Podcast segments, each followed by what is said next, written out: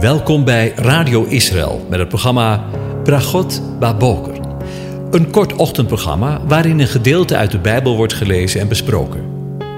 Met Bragot Baboker wensen onze luisteraars zegeningen in de ochtend. Presentator is Kees van de Vlist.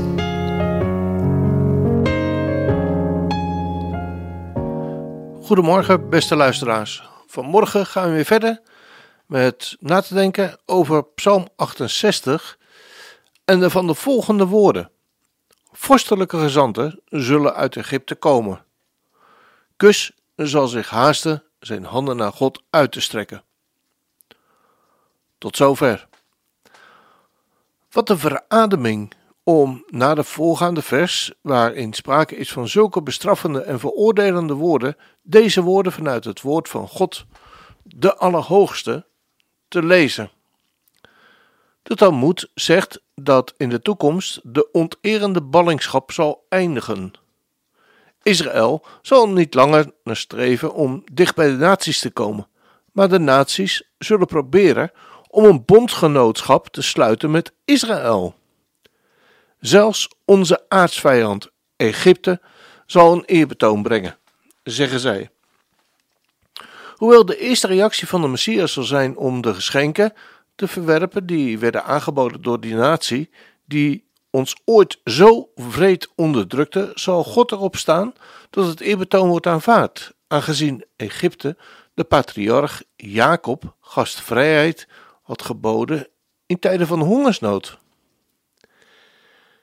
De Hebreeuwse tekst zegt dat zij kostbare geschenken zullen brengen. Kus zal zich haasten zijn handen naar God uit te strekken. Kus wordt meestal geïdentificeerd met Ethiopië. En ze zal gretig kijken naar het voorbeeld van Egypte en onmiddellijk hulde brengen aan de Messias. Volgens Radak, een rabbijn, veroverde Sanherib, voor hij Jeruzalem belegerde, de rijke Egypte en Kus. Hij hield toen hun edele gevangen waren in zijn kamp terwijl hij de heilige stad omsingelde. Toen deze prinsen de wonderbaarlijke vernietiging van de Assyrische leger hoorden, erkenden ze de grootheid van God van Israël. Ze overleefden de plaag, wierpen zich in de handen van Gods uitverkoren volk en bekeerden zich tot het judaïsme. Tot zover eventjes de uitleg van de Talmud en de rabbijnen.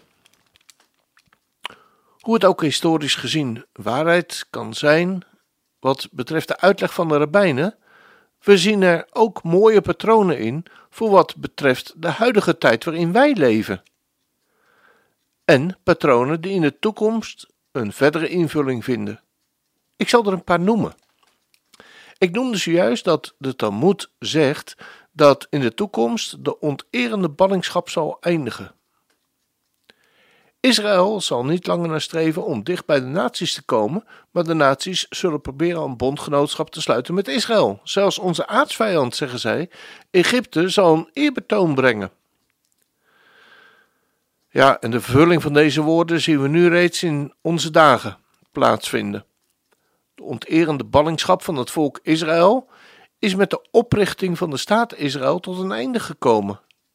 Duizenden en nog eens duizenden Israëli's maken vandaag de dag Aliyah vanuit de ballingschap naar van alle windstreken van de wereld. Inderdaad, de onterende ballingschap heeft een einde genomen. En we zien ook de eerste voorzichtige stappen dat de, dat de naties proberen een bondgenootschap te sluiten met Israël. In de afgelopen vier jaar hebben meerdere volken vanuit het Midden-Oosten een bondgenootschap met Israël gesloten. De Verenigde Arabische Emiraten, Bahrein en meerdere staten zijn daar de voorbeelden van. En meerdere staten hebben Jeruzalem als hoofdstad van Israël erkend en daar hun ambassades nu gevestigd. Een aantal jaren geleden zou dat nog ondenkbaar geweest zijn. En wat te denken aan de woorden dat Kus zich zou haasten om zijn handen naar God uit te strekken. Kus, dat meestal wordt geïdentificeerd met Ethiopië. Ik wil hier even wat langer bij staan. Het land Kus verwijst naar een land ten zuiden van Israël en wordt in sommige Bijbelvertalingen vertaald met Ethiopië. Kus ontleent zijn naam aan Kus, de zoon van Gam, de zoon van Noach, zoals we lezen in Genesis 10, vers 7. Het land Kus wordt in het hele Oude Testament genoemd en de inwoners hadden regelmatig contact met de Israëlieten. Kus wordt voor het eerst genoemd in Genesis. De naam van de tweede rivier die uit Edom stroomt is Gion en die slingert door het hele land Kus. Zo lezen we in Genesis 2 vers 13. Hoewel sommigen geloven dat in deze passage Kus een verwijzing zou zijn naar Mesopotamië, zijn andere Bijbelgeleerden weer van mening dat het meer consistent is om, de, om het te identificeren als een algemene term voor de Afrikaanse landen ten zuiden van Egypte. En de King James Version uh, vertalen de naam van het land als Ethiopië. Kus wordt in de Bijbel afgebeeld als een machtige natie. Terwijl Sanherib Jeruzalem beledigde, belegerde, moet ik zeggen, voelde hij zich bedreigd door Terhaka, de koning van Kus, die op weg was om de Assyriërs in de strijd te ontmoeten. Daarom probeerde Sanherib de Israëlieten te ontmoedigen, zoals we lezen in 2 Koningen 9 vers 10, 19 vers 9 en 10 en Jesaja 37 vers 9. Later, Judas koning Asa en zijn leger marcheerden uit om Zera, de Cushiet, te bevechten, van wie wordt beschreven dat hij tegen hen optrok met een leger van duizenden en duizenden en driehonderd wagens en kwam tot aan Maresa. We lezen daarvan in 2 Kronieken 14 vers 9. Asa vertrouwde de strijd aan de Heren toe en de kracht van God werd de Cushieten verslagen. We lezen daarvan in 2 Kronieken 14 vers 10 tot 14. En Jesaja noemt ook Kus en beschrijft hen als een machtige en onderdrukkende natie in hoofdstuk 18 vers 1 en 2. Kus bezat niet alleen militaire macht, maar het was ook een land van rijkdom, dat bekend stond om zijn kostbare stenen. Job noemt de topaas van Kus erg waardevol in hoofdstuk 28 vers 19. De Heer sprak een oordeel uit over Kus in de profetieën van Jezaja en Ezekiel. Omdat de Egypte, Egyptenaren verwant waren aan de Kushites, wordt Kus, zoals het geslacht van Gam meestal wordt genoemd, naast de oordelen van Egypte. In Genesis 10 vers 6. In Jesaja hekelt God de Israëlieten, die in Kus of Egypte vertrouwden om hen te redden van de Assyriërs. Jesaja 20 vers 5 Gods oordeel tegen Kus wordt ook gezien in de profetieën van Ezekiel, die vermelden hoe de rijkdom, de macht van Kus, zou worden weggenomen. Ezekiel 30 vers 4, 5 en 9 Hoewel verschillende Bijbelvertalingen het Engelse woord voor Ethiopië vervangen door Kus, was de natie Kus niet gelijk aan het moderne Ethiopië. Kus lijkt vaak te verwijzen naar de regio in Afrika, zoals we lezen in Ezekiel 30, vers 4 tot 6. Op andere momenten lijkt het te verwijzen naar Arabië, zoals in Habakkuk 3, vers 7 is Kus verbonden met Midian, een land dichter bij de Rode Zee. De reden voor de onduidelijkheid zou heel goed kunnen zijn dat de Kushieten naar verschillende gebieden emigreren. De Kushieten hadden een donkere huid, volgens Jeremia 13, vers 23.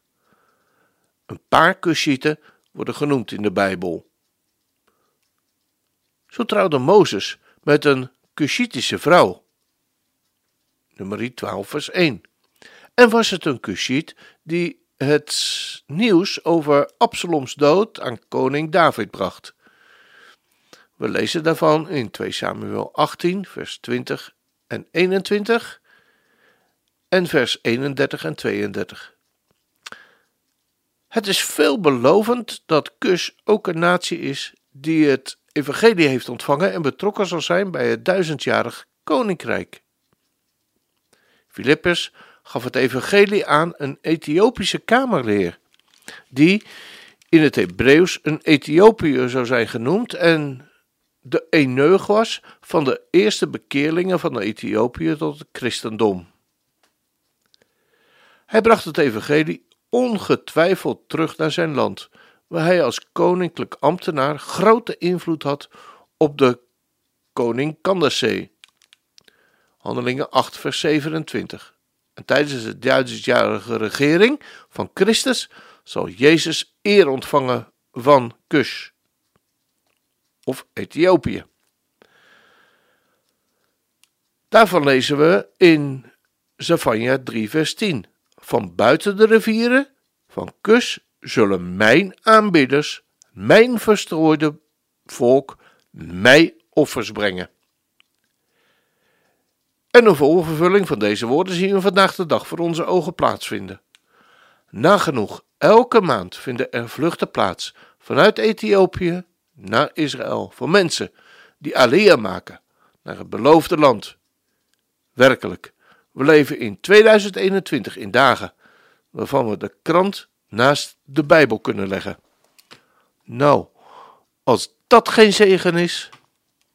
We gaan luisteren naar een lied van Joshua Aaron.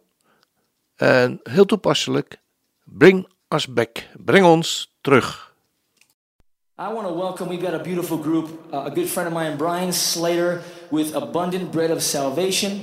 Uh, over here in the corner, he brought with him 35 Holocaust survivors from the Association of Ghetto Holocaust Survivors. Can we stand up over here in the corner? Thank you guys.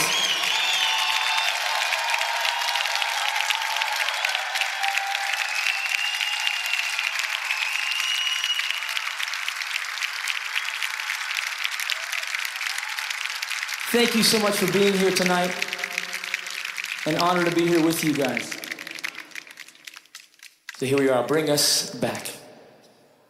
Bye.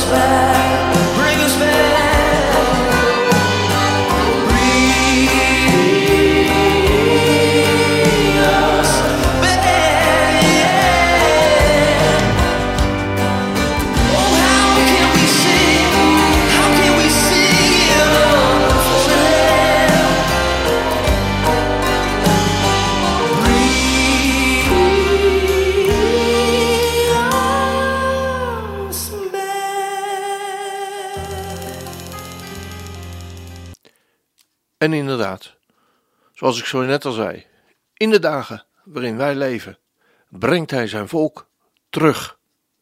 Elke dag weer opnieuw, bij duizenden, elk jaar.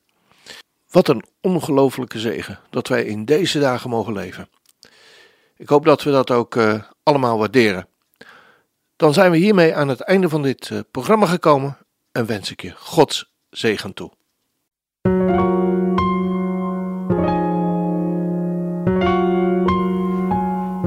Hebt geluisterd naar het programma Bragot Baboker. Een kort ochtendprogramma waarin een gedeelte uit de Bijbel wordt gelezen en besproken.